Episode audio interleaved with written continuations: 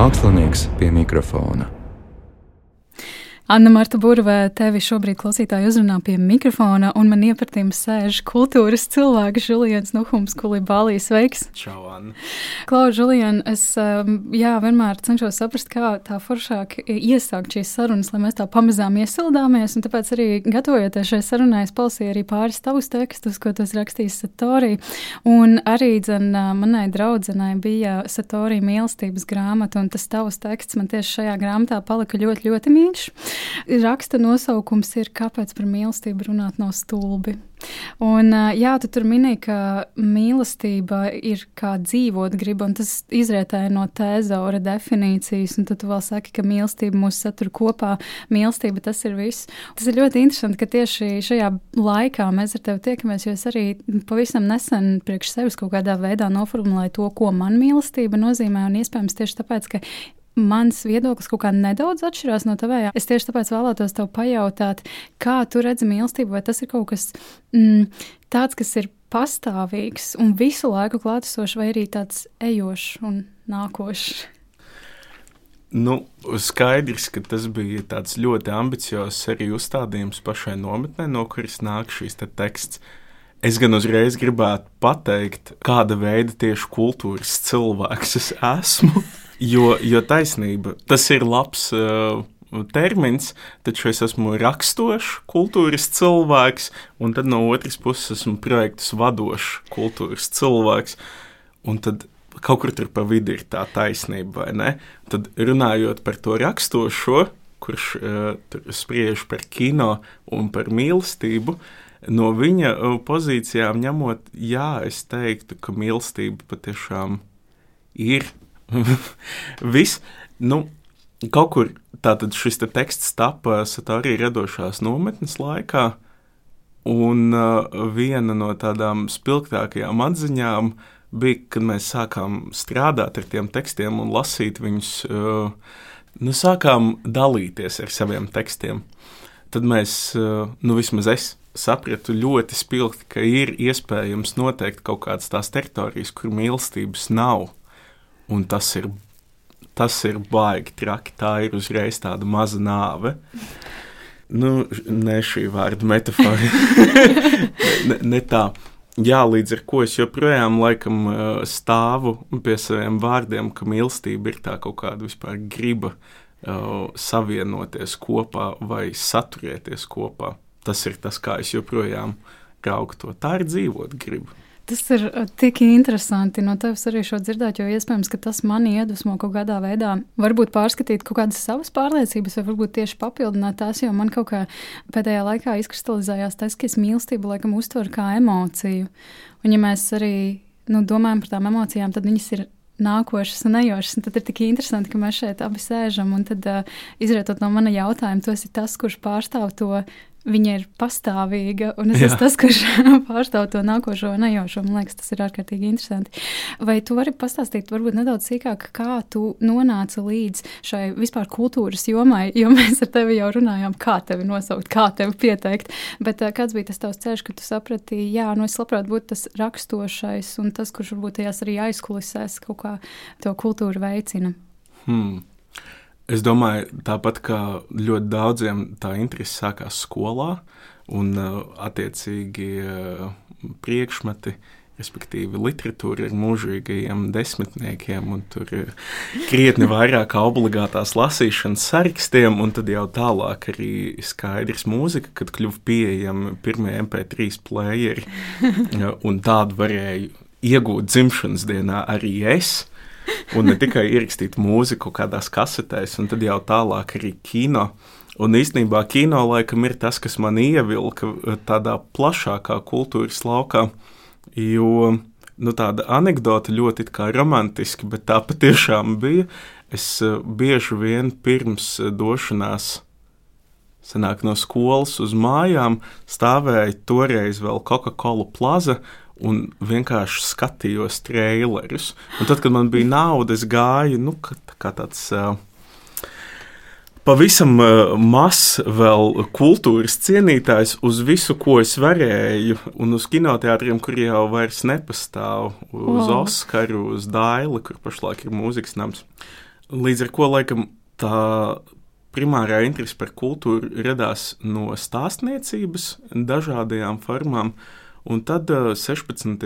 gadā es tobrīd vēl studēju Latvijas Universitātē Franču filoloģiju, kāda man ir liels prieks, es to tiešām saku ar lielu prieku, nu jau arvien lielākus panākumus gūstoši režisori mani tādā neformālā tikšanās reizē iedrošināja. Es sūdzējos, ka man ir apnicis tas humanitāro zinātņu lauks, kurā es esmu, ka es īsti laikam nevēlos ar filoloģiju nodarboties. Viņa teica, bet klau, nu, varbūt uh, pamēģini tās uh, audiovizuālās mākslas studijas. Un tad es domāju, ko es ar to visu varētu darīt, un izlēmu, es būšu režisors. nu tā, un es aizgāju uz eksāmenu, kas bija tātad, eh, to brīdi uzņēma reizes trijos gados. Tur bija tāda liela steidzamība tam visam, un eksāmenis bija trijās kārtās, un tas viss bija ļoti nopietni. Un tā, nu, un es tiku iekšā. Man liekas, ka interesanti arī īstenībā vērot, kā tie um, kultūras mākslas cilvēki atrod to tieši savu es nezinu, to savu kultūras atzaru. Tāpēc, mm -hmm. ka teorētiski jau tu varēji arī kultūras akadēmijā iestāties tur literātos. Nu, Bet, jā. vai tu teiktu, ka kaut kā varbūt tu esi dzimis cilvēks, kurš to audiovizuālo formātu uztver īpaši jūtīgi, īpaši nu, spēcīgi, ka tas bija tas ceļš, pa kuru tu gāji? Es domāju, ka tur noteikti bija kaut kā tāda iekšēja nepieciešamība. Respektīvi, es nevienā mirklī nebūtu domājis stāties eh, kultūras teorijā vai meklēt iespējas eh, tieši kaut kādas rakstniecības studijas apgūt. Mm -hmm. Bet vai tā ir tāda iedzimta lieta? Es domāju, ka nē. Man šķiet, ka ļoti bieži vien runājot par mākslu vispār kopumā, cilvēki nepietiekami uzsver to, ka daļa ir kaut kāda veida jūtīgums, neapšaubāmi. Uh, jūtīgums uz atsevišķām mākslas formām, uz kaut kādām parādībām. Un cita lieta ir vienkārši nu, tas darbs. Pat ja viņš nav mērķiecīgs, nu, respektīvi, es pavadīju ļoti lielu savas bērnības daļu sapņojot caur ekrānu, un uh, pēc tam domājot par to, ko es vēlētos uh, apgūt. Tas likās uh, loģiski, jo bija jau šis konteksts. Tas jūtīgums droši vien ir ārkārtīgi romantizēts skatījums īstenībā uz tiem kaut kādiem mūsdienu procesiem. Jo, nu jā, bieži vien es arī dzirdu, ka mākslinieki runā, jā, es izteikti labi izjūtu šos vārdus un šos tekstus, bet man liekas, ka tas tomēr arī kaut kādā veidā ir jāapgūst, lai tu vispār tālāk varētu iet. Bet Nezinu, kultūra, atvaino, kas te pārtrauc, bet kultūra ir cilvēka veidots konstrukts pilnībā. Mums nav tādu uh, var runāt par eh, cilvēkiem ar izcili teiksim, iedzimtu ožu, vai tur dzirdi absolūtu, vai ne? Bet uh, kultūra tādā plašākā uh, mērogā ir taču absolūti tāds sociāli antropoloģisks fenomens. Tu viņā esi, tu viņu kaut kā attīsti. Es domāju, cits jautājums, kādēļ es uzreiz tik asi par to ied, iededzos vai iedegos, ir tas, ka Nu, pastāv šis mīts par māksliniekiem kā par um, ārprātīgi emocionālām, trauslām būtnēm, kurām visu laiku ir jābūt tādā robežu stāvoklī. Visas šīs klišejas par to, ka tikai nelaimīgs dzinieks var rakstīt labu dzēju, un tā tālāk, un visi atvasinājumi. Tie visi nāk iespējams no kaut kāda šī pieņēmuma, ka cilvēki, kas nodarbojas ar mākslu, Un es pieņemu, varbūt kāds domā arī cilvēki, kas nodarbojas ar kultūru plašākā kontekstā, nu, ka viņi ir kaut kā tādi konektētāki savai emocionālajai pasaulē, un tā emocionālā pasaule kaut kā valda pār viņiem. Un es domāju, ka nevienmēr tas tā ir. Lai gan skaidrs, ka nodarboties ar mākslu, ja tu neesi vispār saskarē ar savām emocijām, vai tas sagādā no nu, tādas lielas grūtības, un tas nav apzināts, varētu būt smagi. Jo nu, māksla ir par sajūtām arī. Es tieši arī domāju par to tavu nošķīrumu, ko tu teici. Mm, Okay, es varbūt sākšu ar savu piemēru no Protams. savas dzīves. Varbūt tā paliks saprotamāk. Es uh, vienkārši ļoti daudz domāju par to, ka mm, es šobrīd arī esmu tas cilvēks, kurš nevis rada. Bet, nu, darbojas tajā kultūrā. Un es atceros, ka pirms pāris gadiem es komponēju, radīju mūziku.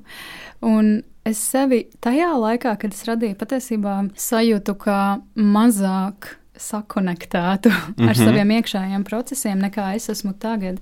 Un uh, tad arī tas jautājums, ko, ko tu minēji par to, ka ir pastāv šis uzskats, ka mākslinieks ir iespējams lielākā kontaktā ar sevi, tas arī nevar būt absolūts, man liekas, apzīmējums. Es domāju, ka viennozīmīgi, ka tavā darba kārtībā ir arvien biežāk uzdot sev jautājumu, ko es tieši saprotu no pasaules, kas man ir apkārt kā es to varu interpretēt, ka tas ir daļa no tavas profesionālās dzīves, tad skaidrs, ka iespējams tev nav īsti izvēles, kā vien būt šai emocionālākajai būtnei.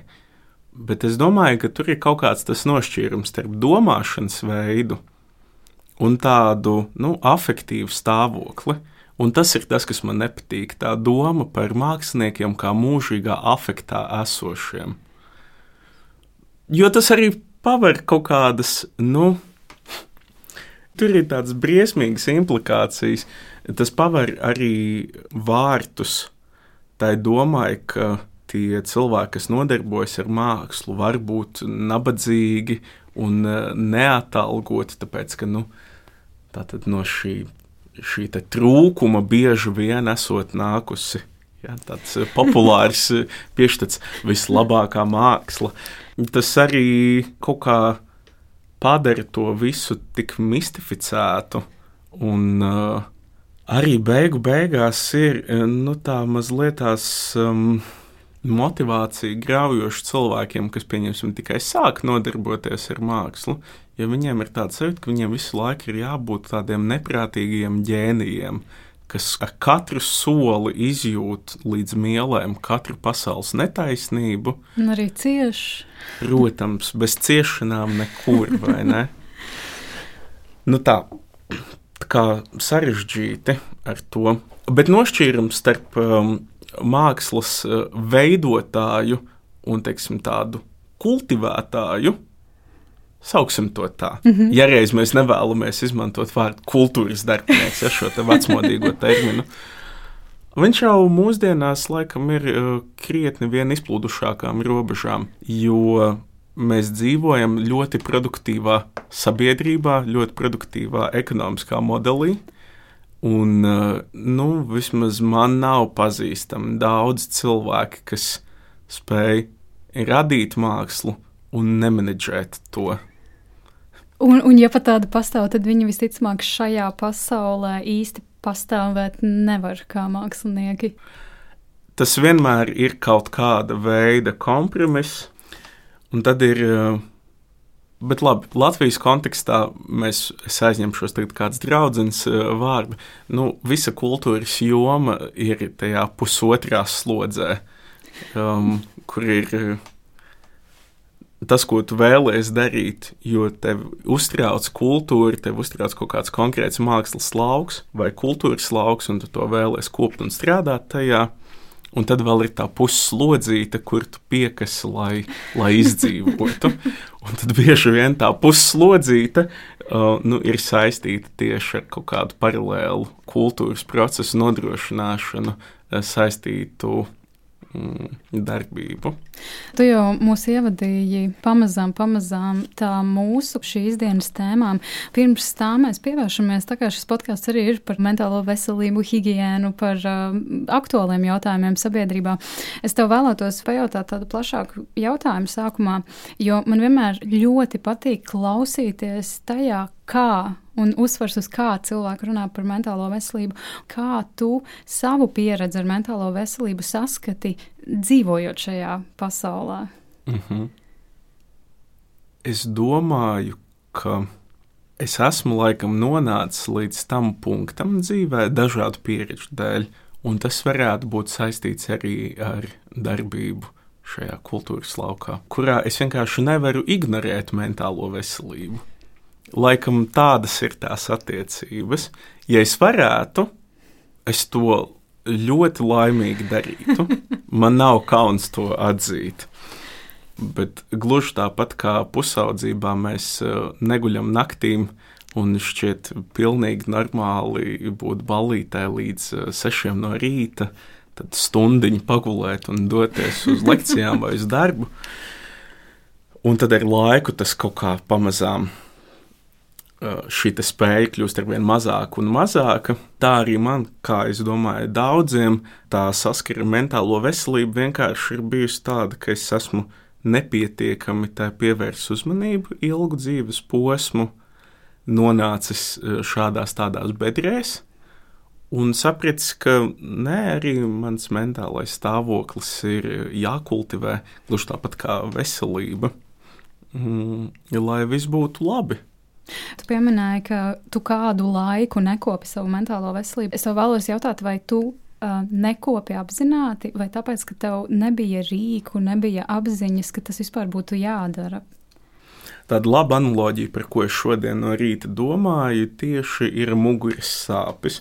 Respektīvi, nu jau kādu gadu es ik pa laikam tā jūtu, ka man tur starp lāpstiņām kaut kā nav īsti tā. Ja? Un es esmu apradis ar to. Un es jau vairāk pat neatceros, kā īsti bija, ka tā diskomforta sajūta tur tāda īsti nebija. Un es tad visu laiku sev atkārtoju, ka nē, ir jāaiziet pie fizioterapeita, ir um, biežāk jāizdara tie um, pareizie vingrinājumi un kaut kas vispār par to jādara. Nu, lūk, tad, kad tu nedomā par mentālo veselību, man šķiet, ka visu laiku dzīvo ar dažādu līmeņu tiesu, bet nu šīm te proverbiālajām muguras sāpēm. Un uh, visi kaut kādi trauksmes, un uh, drūmuma, un bezspēka un visu citu iespējamo, jo nu, tur ir vesels spektrs, vai ne? Stāvokļu uh, plējāde tā vienkārši šķiet uh, dabiska. Un vienmēr ir, protams, šī pārliecība, ka gan jau pāries.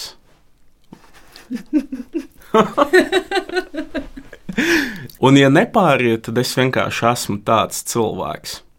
Nu, es vienkārši esmu noguris cilvēks pēc būtības.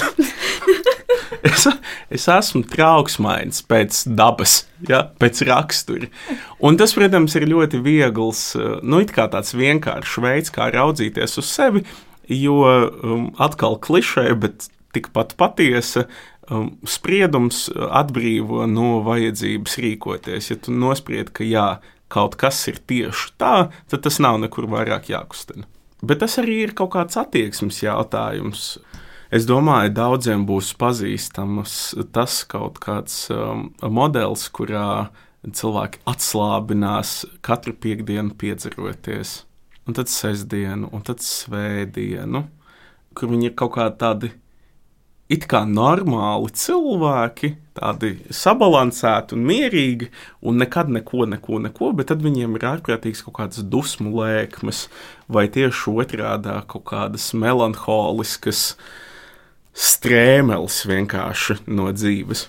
Un es domāju, ka pārsvarā tas ir tā, ka tas uh, laiks, kur tu nevelti savas mentālās veselības kopšanai, uh, vai nu vismaz apziņotībai par to, ka tāda eksistē, tas laiks jau netiek ietaupīts. Viņš vienkārši izpaužas citās kaut kādās parādiskās izpausmēs, kuras bieži vien ir grūtāk novērot, ja viņas, teiksim, tiek kultūrāli kaut kā akceptētas.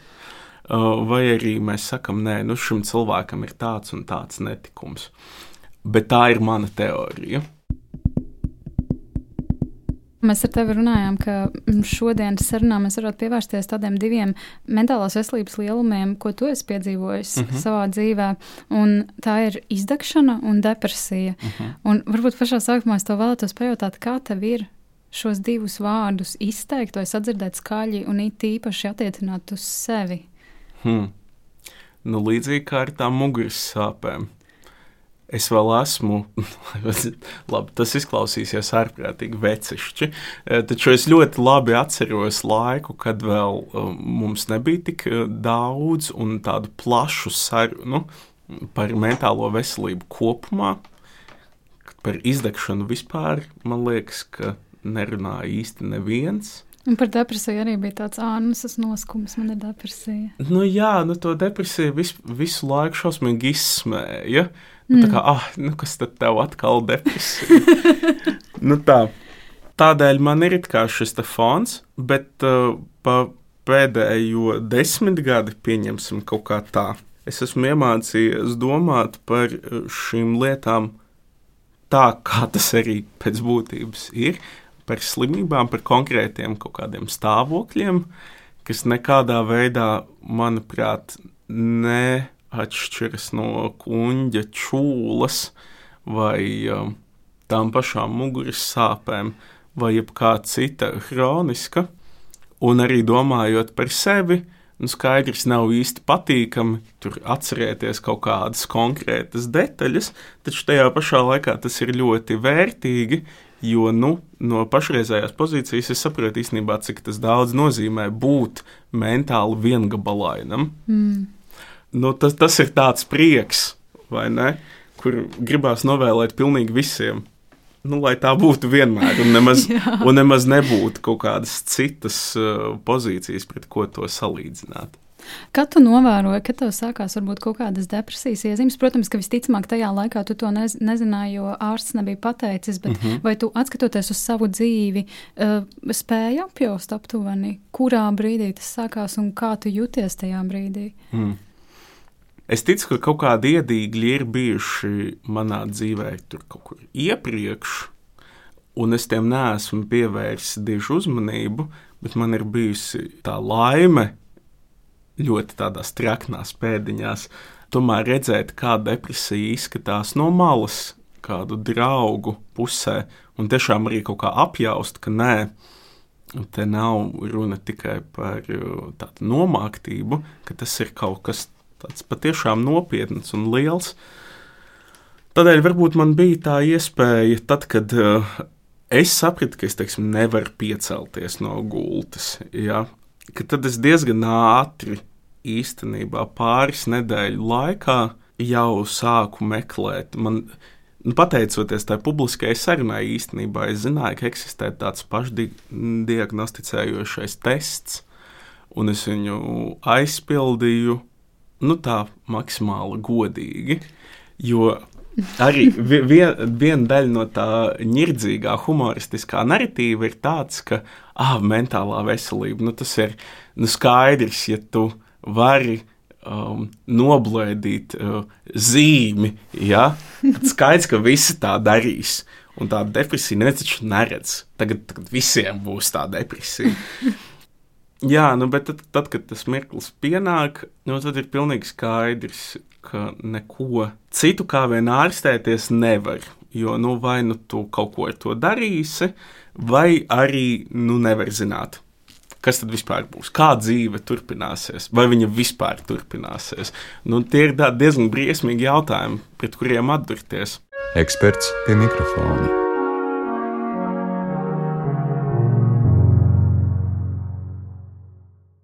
Var teikt, ka nu, depresija ir tāda nu, nopietna pandēmija savā ziņā jo tās skar ārkārtīgi daudz cilvēku ar ļoti lieliem ilgtermiņa zaudējumiem, gan zaudējumi cilvēkam, gan zaudējumi darba devējam, dzīves kvalitātei. Un depresija būtībā ir pastāvīgs stāvoklis, kas ir vismaz divas nedēļas, un tas nav tas pats, kas slikts garastāvoklis. Jo slikts garastāvoklis No rīta man ir slikts, vakarā labs, pēcpusdienā mērens, ja garstāvoklis mainās.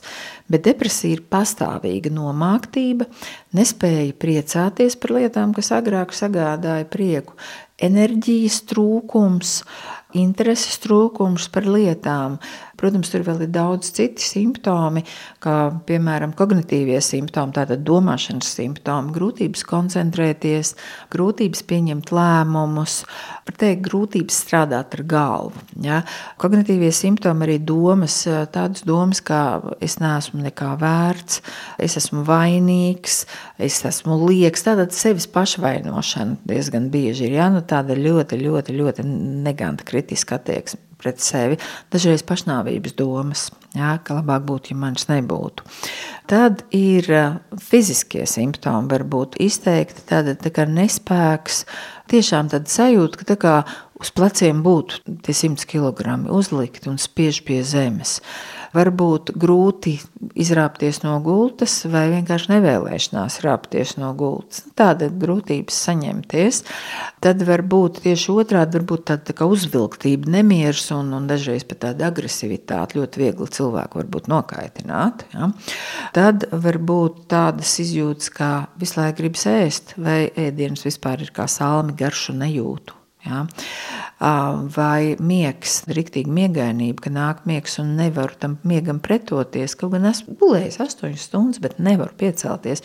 Vai arī otrādi nespēju gulēt, pat ja ir iespējams gulēt. Un bieži vien tādā sociālajā miedarbībā cilvēks norobežojas, cilvēks izvairās no kontaktiem, cilvēks pēc iespējas atliek lietas, darbus, un nu, tas iet tā kā pa spirāli uz leju. Dažreiz tie ir tikai daži simptomi, bet viņi rada ļoti drāmīgu dzīves kvalitāti. Un parasti tas kritērijs ir tas, ja tas ir divas nedēļas, un tas nav man raksturīgi. Depresija ir pakāpes. Tā var būt viegli izteikta, mērena izteikta un smaga. Un, um, bieži vien cilvēki nemeklē palīdzību, jo viņiem šķiet, es pats tikšu galā.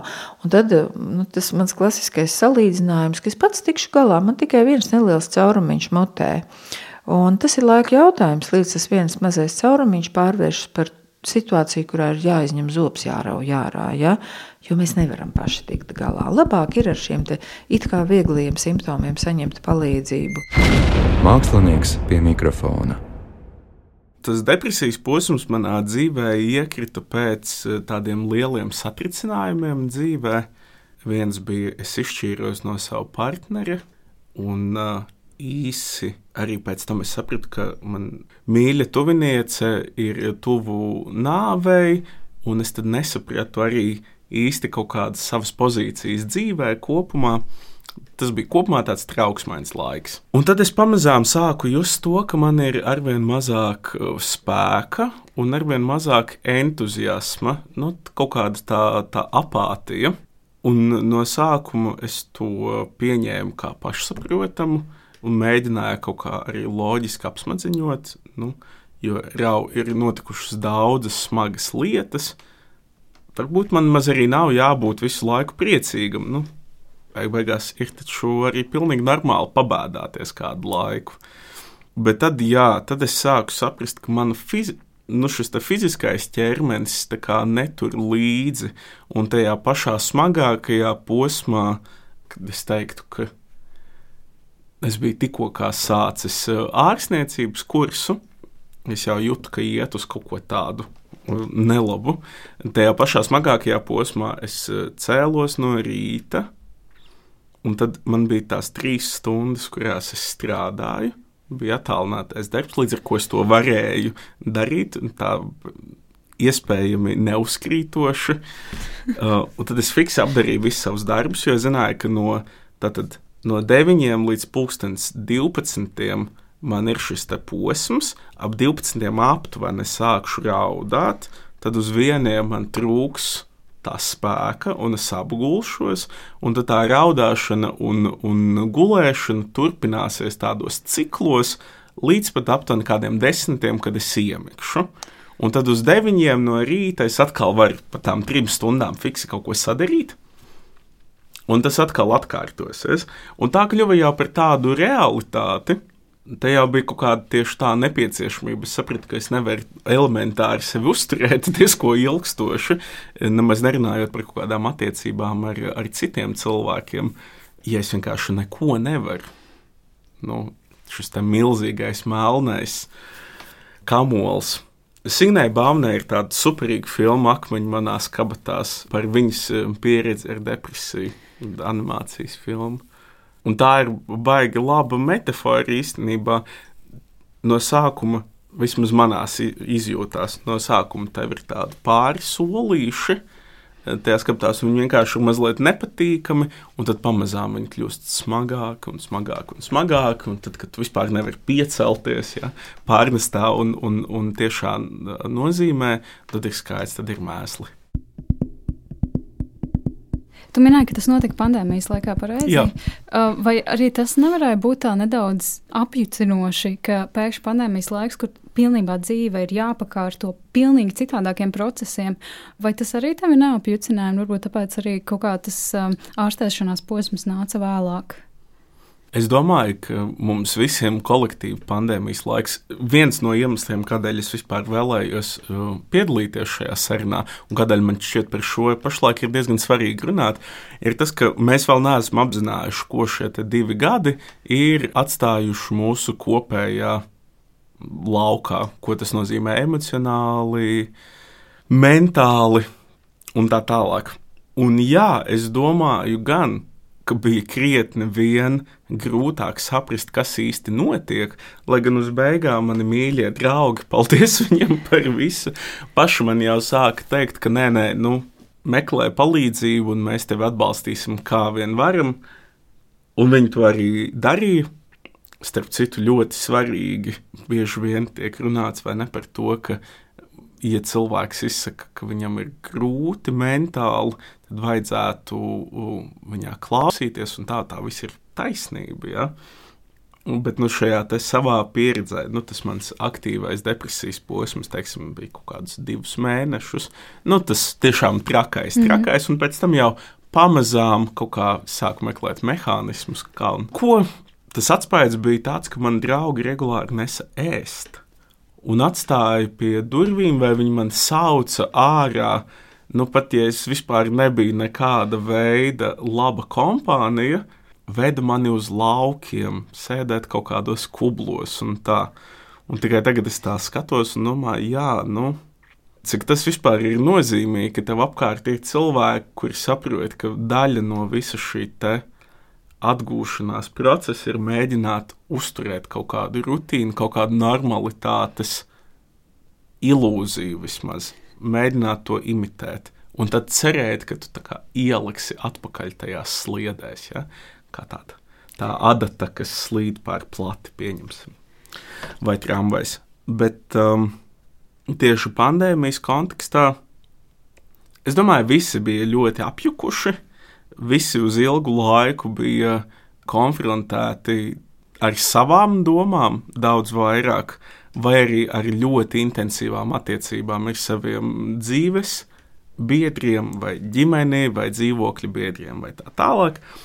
Un šādos nenormālos apstākļos skaidrs, ka arī izveidojās dažādas nepārāk normālas mentālās attieksmes pret sevi un pret citiem.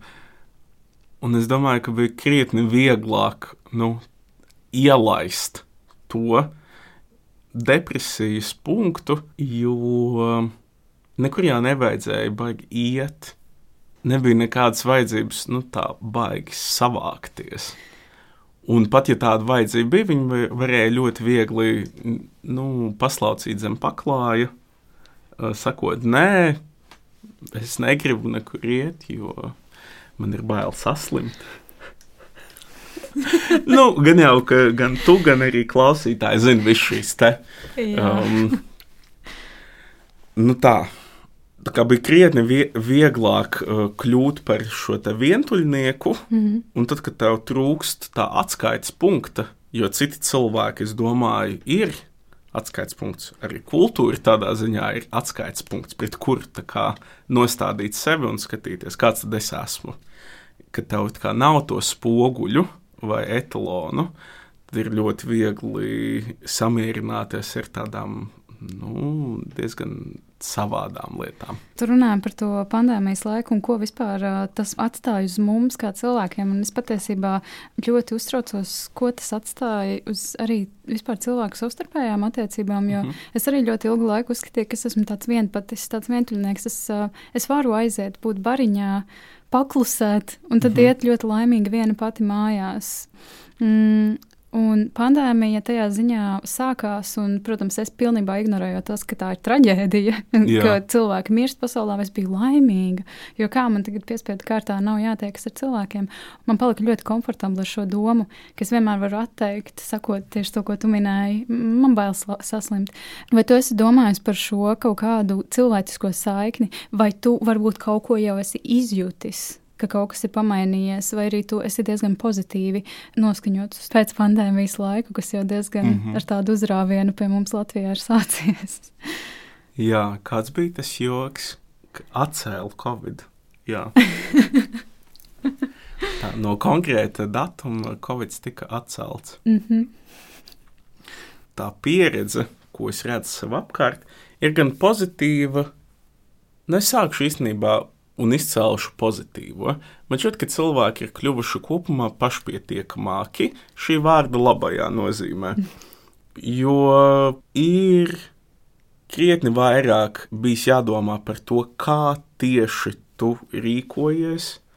Katram no mums bija eh, zināma kaut kāda atbildības nasta, jo katrs no mums potenciāli varēja un īstenībā joprojām var būt eh, vīrusu pārnēsātājs, bija eh, ļoti liela daļa ar iedzīvotājiem, kas bieži vien bija mūsu mīļotie tuvinieki un tā tālāk, kuri nebija pasargāti Mēs nevarējām ilgu laiku legāli, ne, arī pulcēties, līdz ar to bija jādomā dažādas stratēģijas, kā satikties, kā uzturēt attiecības un tā tālāk. Un te tagad, tajā pēc pandēmijas nosacītajā realitātē, man šķiet, ka mēs esam kā sabiedrība kopumā iznākuši tādu lielāku prasmju komplektu. Nu, tādā ziņā, ka pašlaik nav tādu īpašu vajadzību piesargāties ļoti. Mums ir jāvalkā maskas sabiedriskajā transportā, vai ne? Vai, vēl kaut kur? Slimnīcās. Bet tas arī nav pārliecināti. Nu, lūk, es nezinu, iespējams. Bet, nu, katrā gadījumā nesalīdzinām ar to, ka pūkstens nu, pēc pusnakts nevar būt nekur. Tikai divi cilvēki, ja slavenais divi reizes divi. Un es jūtu, ka ir tāda lielāka cieņa pret citu cilvēku laiku, pret viņu personīgo telpu, pret kaut kādām vajadzībām, jo tas viss tagad vienkārši divus gadus ir bijis aktuāli. Nu, un tas, protams, arī pašreizējās kardarbības Ukrainā kontekstā, bet nu, šī ir tikai tāda mana versija. Es domāju, ka ļauj nu, kaut kā krietni ātrāk mobilizēties, kas bija ārprātīgi priecējoši pirmajās dienās redzēt, cik liels bija šis atbalsta vilnis un cik ātri, cik mežonīgi ātri visiem viss saslēdzās. Aiziet, visi jau sāka meklēt, kur kā palīdzēt, un tā tālāk. Un, nu, mēs joprojām esam mazliet šajā vilnī, bet es domāju, ka tas ir saistīts jā, ar to, ka mm, bija krietni lielāka šī sapratne par to, ko nozīmē globāla traģēdija. Un arī jau prasmes kaut kā pašorganizēties un savākties, tad, kad tas ir nepieciešams, jo citādāk nevar. Bet tagad no tādas negatīvās puses iespējams, ka cilvēki ir kļuvuši saurupāki vispār kopumā, jo nevar jau nu, divus gadus ierobežot, kontaktēties un pēc tam atkal ieiet tajās pašās sliedēs. Es zinu, teiksim, no draugiem, ka ir arvien grūtāk kaut kā iejusties publiskos pasākumos, dejot. Nav nemaz tik viegli. Es vispār aizmirsu par tādu iespēju. jā, jā, tā ir. Tā ir iespēja. Pulcēties lielos, kaut kādos baros, taisīt dzīvokļu ballītes nu, viss tas, kas bija mūsu Rīgas ja, sociālā dzīve, kā ļoti lēnām nāk atpakaļ. Bet iespējams, ka atnāks vasara un mēs atgūsimies. Galu galā divi gadi arī nav nu, desmit gadus. Varbūt atgriežoties arī pie tavas stāsta, tu pieminēji, ka tu arī izdzīvoji Iz, mm, izdzīvoja tā būtu. Tas šausmīgi, šausmīgi dramatiski skan. Bet jā, man, man ir piemeklējis šis izdegšanas sindroms. Jā, un precīzi uh, gadu pēc tā depresijas uzliesmojuma.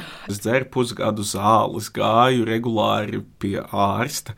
Un tā bija tāda nopietna lieta, ka tas man ļāva īstenībā apskatīties un saprast, jā, ok, šeit laikam tā kā sākas tā izdegšana. Un uh, jāsaka, ka pēc tās uh, depresijas nekas jau neatgriezās tādā ap, iepriekšējā stāvoklī. Pilnībā. Nu, es pārsteigos, bet es nevarētu teikt, ka es dzīvoju tā, it kā man tādas nekad nebūtu bijis. Tu teiksi, ka tā bija tāda mēri, mērenība? Nē, nu es domāju, ka tur vienkārši bija jūtams tas depresijas fons vēl ļoti ilgu laiku, un es joprojām viņu mazliet jūtu, jo ir grūti aizmirst tās sajūtas, un uh, tad, kad uh, nāk virsū lielāks stress, pieņemsim, un uh, ķermenis sāk kaut kādos veidos reaģēt, pieņemsim, negulēt, vai arī taisīt tādus emocionālus, lielus viļņus, tad kaut kur smadzenēs jau saklikšķi. Aha, mēs šo mazliet tā kā pazīstam, un tādā ekstrēmākajā posmā šis bija ļoti, ļoti slikti piefiksējam, ka šis nav līdz galam ok.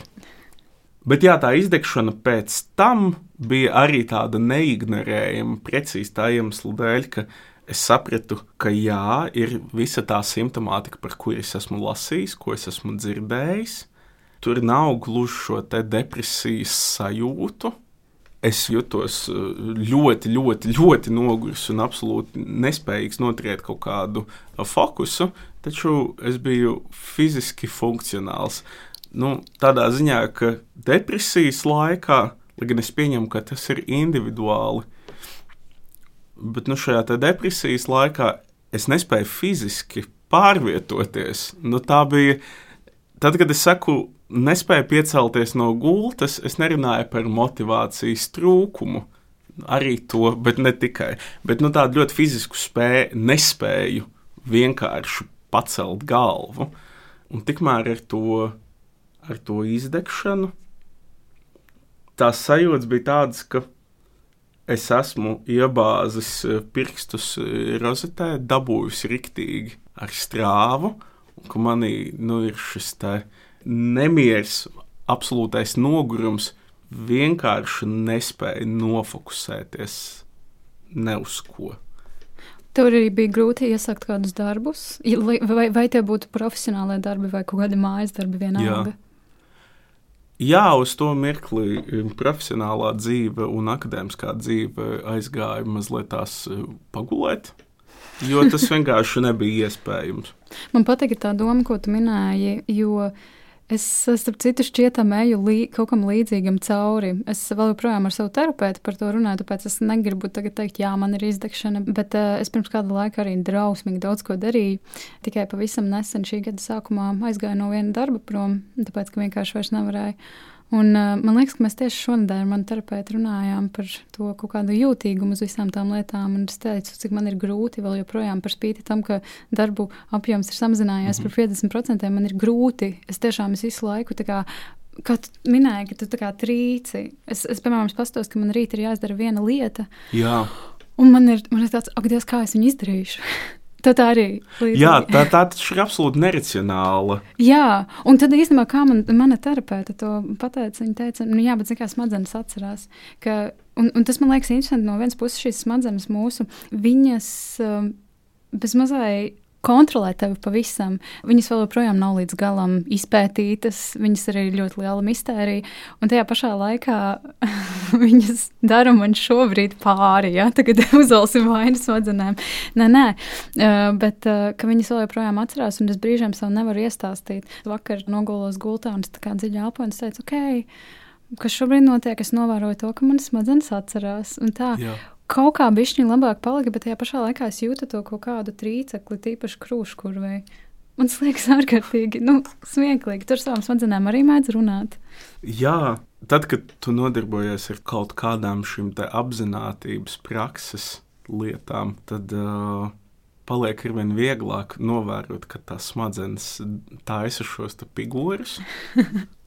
ir iespējams to kaut kā skatīties, ah, kādās likumsakarībās tas notiek, un tad jau arī ir sevi parunāties. Nu tā, ok, Džekiņ, mēs tagad atkal darām šito, ja? Labi, labi, labi, sapratu, atpūšamies. Paņemam tagad šo nedēļas nogali, nestrādāsim, izbrauksim pie dabas. nu tā, jā, varbūt tā ir kaut kāda atmiņa. Iespējams, tās ir kaut kādas izmaiņas šajā smadzeņu ķīmijā. Es neesmu speciālists, tādēļ mm, vienkārši, jā, jā. Vien, vienkārši nezinu. Bet no tīri tāda sajūtu līmeņa ir mazliet tāda sajūta, ka šīs lietas paliek ar tevi, pat ja tās tevi akūti neietekmē, un uh, pie konkrētiem apstākļiem tās uh, atgādina par sevi, nu, kā veci lūzumi, pieņemsim. Eksperts pie mikrofona.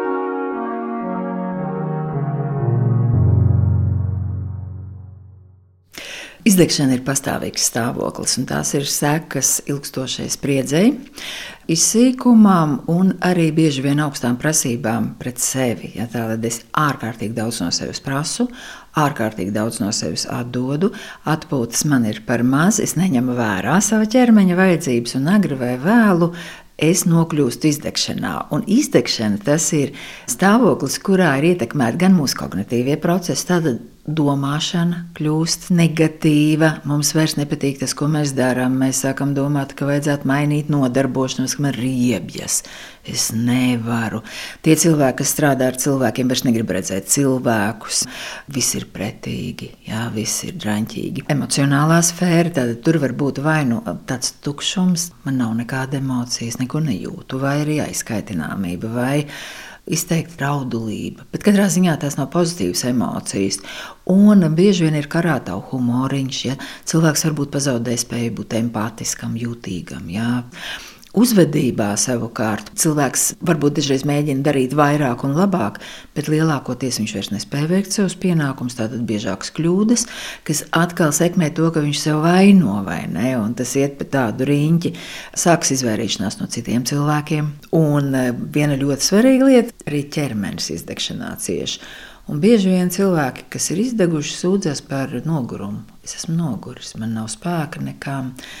Es varu tikai gulēt, man negribas ēst. Man var būt pat fizisks sāpes, varbūt galva sāp vai muguras sāp, un ārsts saka, viss kārtībā ar galvu, nav nekādas vainas, ja varbūt arī pat tādi ķermeņa simptomi.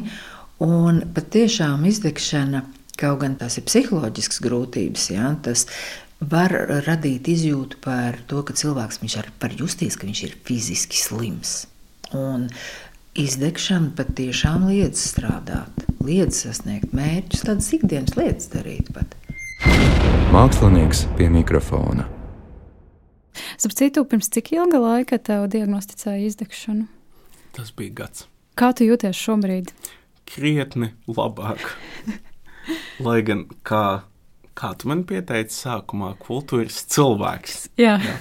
Gluži kā arī citi kultūras cilvēki, arī es strādāju šo pusotru slodzi, un vēl pie viena izdomāju, ka noteikti vajag paņemt maģistra grādu, pabeigt. Bet, nu, tā, tās jau ir manas izvēles dzīvē, un es tās nenožēloju. Ar to apziņu, ka ir jāmonitorē, un arī to, ka skaidrs man ir uh, burvīgi draugi, ko es nebeigšu atkārtot uh, nekad, un uh, liels kolēģi, uh, kas arī atgādina, hei, bet uh, tu atpūties. Un mēs uh, tā runājam viens ar otru. Nu, mēs regulāri atgādinām, ka nē, nē, tu paguli, un ja kāds, teiksim, sēž pārāk ilgi. Uh, darbā saki, es ļoti ceru rītdien tevi šeit neredzēt. Ja, jo, ja ir skaidrs, nu, ja mēs esam gana daudzi piedzīvojuši šādas lietas mūsu apkaimē, iespējams tādēļ, ka kultūras uh, cilvēki strādā bieži vien daudz un uh, nenormētas šīs stundas. Tie izdegšanas gadījumi ir gana bieži, un tad ir tāda kolektīva saprāšana, ka nē, nu vajag sargāt otru no šiem riskiem. Jo mēs jau arī visi zinām, ka to ir pavisam mierīgi, iespējams, arī palaist garām. Nu, vai kaut kā noignorēt līdz mirklim, kad tas jau kļūst akūti, un tad jau tur neko neignorēs. Tas īstenībā ir vieglāk nekā kaut ko, man liekas, darīt. Jo man liekas, ka tā, tas darīšanas brīdis parasti pienāk tad, kad tu jau esi reāli nokritis. Mm. Jo līdz tam, kā tu minēji, man liekas, kaut kāda sarunas sākumā ir tas, ka, ah, un gan jau viss būs labi, gan jau pāries. Tu minēji par tiem, ah, man tāds prieks bija dzirdēt par to tavu draugu attieksmi, ka jūs viens otram sakāt to visu. Vai tu vari parunāt, varbūt man ļoti interesē tieši šajā kultūras jomā, kā cilvēki runā par mentālo veselību. Jūs pilnībā atklāti viens otram stāstāt, vai ne? Visu kaut ko. es, protams, nevaru pašlaik visu kultūras jomu pārņemt, bet uh, vismaz tā, ar kuru man ir vistiešākā saistība. Ikdienā es domāju, ka tur ir daudz, daudz mazāka stigma par to runāt, un daudz lielāka arī saprāšana. Un tas ir pateicoties atkal jau traknās pēdiņās, tam, ka tik daudz ir vienkārši saskārušies ar to Nu jā, tā ir tāda realitāte vienkārši, ar kuru ir jāsadzīvo, diemžēl, un arī par laimi, un ko arī, manuprāt, daudzi respektē. Skaidrs, ka arī kultūras lauks manā pieredzē nav nekāda leiputrija, un um, arī te eksistē visdažādākā veida termiņi un nosacījumi un garās nogales Bet nu, pie kaut kāda trešā cilvēka, kas, pieņemsim, pārtrauc vienkārši savu dalību projektos un uh, nav spējīgs vienkārši darīt to, ko viņš mīl, un ko viņš dara labi un profesionāli uz ilgāku laiku, tādēļ, ka viņš nav parūpējies par šo mentālo veselību, jāsāk domāt, nu nē, tas varbūt nav. Nu, plusā vēl tā, protams, ir kaut kāda darba ētika, kopumā saprot, ka cilvēks e, nav vienkārši cilvēka resurss, bet gan e, vērtība, kurai ir nu, kaut kā jāpalīdz dzīvot pēc iespējas labāk, un tas, protams, sevi ietver darbu. Nu, darbs nav tāds lauks arī tiksim, kultūras jomā, kurā mēs varam pilnībā ignorēt, ka cilvēki ir emocionāls būtnes, fizioloģisks būtnes savām vajadzībām. Uh, Un tā, nu, tas vienkārši nav ilgspējīgi. Tā var darīt kaut kādu laiciņu, cilvēks var dedzināt, viņiem teikt, nē, nē, es saprotu, ka tev ir slikti, bet lūdzu, mums te ir termiņš. Un to var darīt zināmu laiku. Nu, tā. Es domāju, tas vienkārši vienā brīdī apstājas. Jā. Es īstenībā kaut kādā tā, tādā ziņā līdz šim, līdz sarunai ar tevi, vienmēr lūkojos uz, es ļoti atvainojos, bet tā saucamajiem oficiāliem cilvēkiem. Jā. Es uh, skatījos tiešām ar tādu kaut kādu nu, es apskaudu viņus kaut kādā savā ziņā. Tāpēc, ka man liekas, nu, tu nostrādā tās savas stundas, un, un, un tu izdari to ļoti konkrēto, sistemātisko darbu, un viss. Un, un tad es reizēm tiešām pārdzīvoju, ka Dievs, bet strādājot savu darbu, es tur to mūziku sajūtu šitā, un man tik skumji palika izdzirdot šo skaņdarbu. Un es laikam, es laikam vēl joprojām neesmu īsti nonākusi pie kaut kāda slēdziena, kas, kas ir labāk. Vai grūti arī uz šī pandēmijas fona? Man ir bijis tas gods un laime pastrādāt mazliet arī tādos, nu, sauksim tos par oficiāliem apstākļos, lai gan tas arī bija visnotaļ radošs darbs. Un īpaši ar attālināto darbu, nu, tur jau jāsaka, ka tā robeža palika pavisam, pavisam plāna. Mm. Ļoti modīgs kļuva um, vārdsaukums elastīgais darba laiks. Nu, tas bieži vien bija elastīgs tāds, ka tu astoņos uzvāri kafiju un astoņos desmit esi uh, pie datora. Un uh, tad taisīja bērniem ēst, un uh, spēlējies ar suni, un visi visu laiku ir tur un kaut ko dara. Un tu pieslēdzies uz pēdējām četrām darba stundiņām, no 10.00 vakarā līdz 2.00 naktī. Uh, Jā. Nu, tā bija tāda realitāte, vai ne? Ļoti, ļoti daudziem. Tā kā mēs eh, radošo industriju, ja, kultūras jomas darbinieki vairs neesam tik īpaši. Arī citi ir dabūjuši pabaudīt pat tajos ļoti rutinizētajos darbos. Nogašot. Kā tas ir? Jā. Kultūras loma mentālās veselības laukā. Es mēģināšu tā īsi ieskicēt, kā man šķiet, ka ir. Atcerieties, es eh, vienā mirklī mūsu sarunā minēju, ka ir ļoti grūti uzturēt kaut kādu veselīgu mentālo klimatu, ka tev nav īsti ar ko salīdzināties. Nu, var salīdzināties pret sevi, bet mūsu sajūtas, un jo īpaši atmiņas, ir absolūtākais melis. Viņš visu laiku mainās un nav uzticams vienkārši pēc būtības. Un te ļoti daudz var palīdzēt kultūra vai dažādi kultūras produkti, kas ne tikai viens veido dialogu ar katru un palīdz mazināt to sajūtu, ka tu esi viens nu, kas laikam tajā pandēmijas laikā, un arī ne tikai pandēmijas, arī pašlaik kardarbības laikā, tu saproti, ka ir vienkārši kaut kādas tādas ļoti lielas norises pasaulē, kuras tu nevari tieši ietekmēt, tu nevari izslēgt viņas, nevari aiziet noziedot kaut kur, izslēgt televizoru. Tā laimīgā vientiesība ir palikusi pagātnē. Un uz visu šī fona ir ļoti viegli sajusties ārprātīgi vienam, nespējīgam, nevienam nevajadzīgam. Un, tā, un tas, kas man arī ir palīdzējis, pieņemsim, no depresijas, no izdegšanas pieredzes nākt ārā, ir um, kino. Varbūt tā iemesla dēļ, ka tas ir tas vienkārši pierastais mēdījis vai nu, iemīļotākais mēdījis. Jo kino ir tā iezīme, iespējams, ka tas eh, skatās arī uz dažādām struktūrām un dara to tādā vizuāli poetiskā veidā. Respektīvi, ja ir uh, stāsts par uh, depresiju, pieņemsim, šeit ir viena no manām visu laiku mīļākajām filmām, vēl, vēl pirms es vispār saskāros ar depresijas pieredzi, bet kas man jau kaut kādā mērā sagatavoja tam, kā tas varētu justies Lārsa Fontrīra melanholija. Uh, daļa no viņa tās depresijas triloģijas. Kaut kā tajos zemajos punktos, vai nu, šaubīgajos punktos, ir iespējams satikties ar kaut kādām tādām idejām mākslā, kas tev var mazliet uh, iebīdīt atpakaļ normalitātē.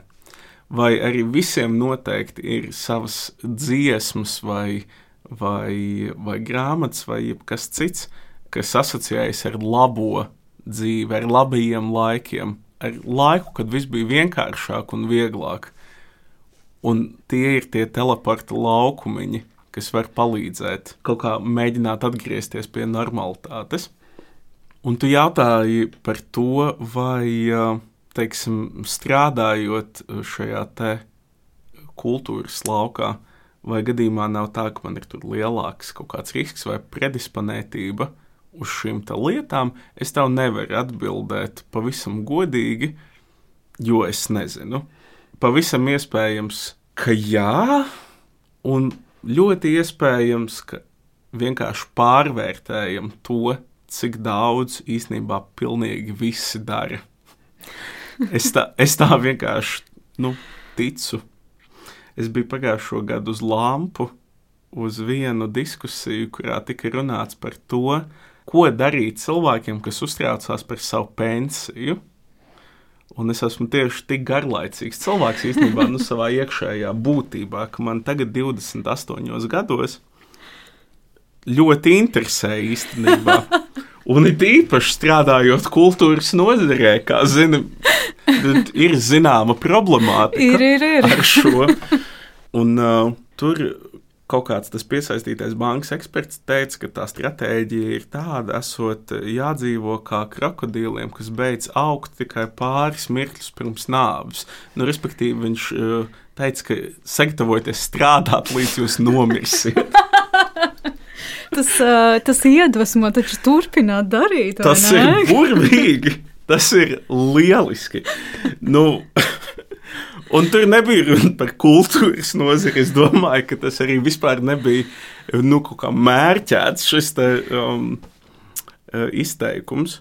Tā kā skaidrs, ka smagi ir visiem, Iespējams, mana tā svētība strādājot kultūras laukā ir tā, ka man ir daudz biežāk saskare gan ar cilvēkiem, kas mēģina fiksēt gan dažādas idejas, gan dažādas stāvokļus, kontemplēt, domāt par to visu. Un man ir tā iespēja pieslēgties šīm te lietām, un arī izveidojies kaut kāds paradums vispār meklēt mierinājumu tajā.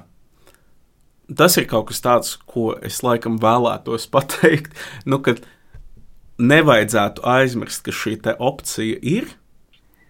Un tajā pašā laikā arī nu, escapisms nepalīdz vienmēr, nevienmēr grāmata var palīdzēt sakārtot domas, un nu, katra paša Um, atbildība par sevi vai arī par citiem ir uh, saprast to mirkli, kurā nē, ir uh, jāņem pie rokas un jāsaka, hei, tev vajag uh, atpūsties, vai arī hei, aizējām pie ārsta. Un lūdzu, neaizmirstiet saviem draugiem pagatavot ēst. Klaužulien, es vienmēr palūdzu viesiem novēlēt kaut ko mūsu klausītājiem. Jā. Vi, mēs tūlīt no viņiem atvadīsimies. Ir tāda dziesma. Um, pa pusē dziesma, pa pusē tāds uh, kā dzēprozes gabals, uh, vai ne? Un uh, viņa tā galvenā, galvenā tēze ir lietojiet saules aizsargkrēmu.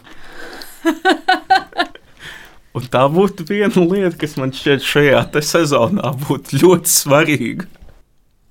Otra ir vienkārši, nu, laikam, mēģināt vismaz uh, rūpēties par sevi tāpat, kā rūpējamies par saviem darba pienākumiem vai par savām garlaicīgajām mašīnām vai nezinu, visu to citu, kas ir cilvēku dzīvēm tajā sarakstiņā, kas mums ir, neatstāt sevi kā to pēdējo prioritāti.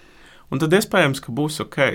Saudzējiet sevi. Paldies, tev, Žulien, liels par šo sarunu. Paldies! Čau, čau! čau.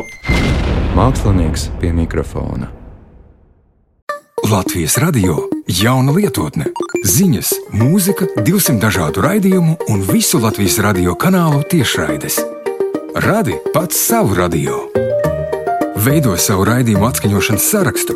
Mēs tikai ieteiksim to, ko vērts nepalaist garām. Latvijas radio lietotni meklē App Store vai Google Play. Lejupielādē to savā telefonā un klausies Latvijas radio saturu savērtā laikā un vietā. Latvijas radio lietotne pieejama bez maksas un reklāmām. Latvijas radio veicina kritisko domāšanu un saturīgu brīvā laika pavadīšanu.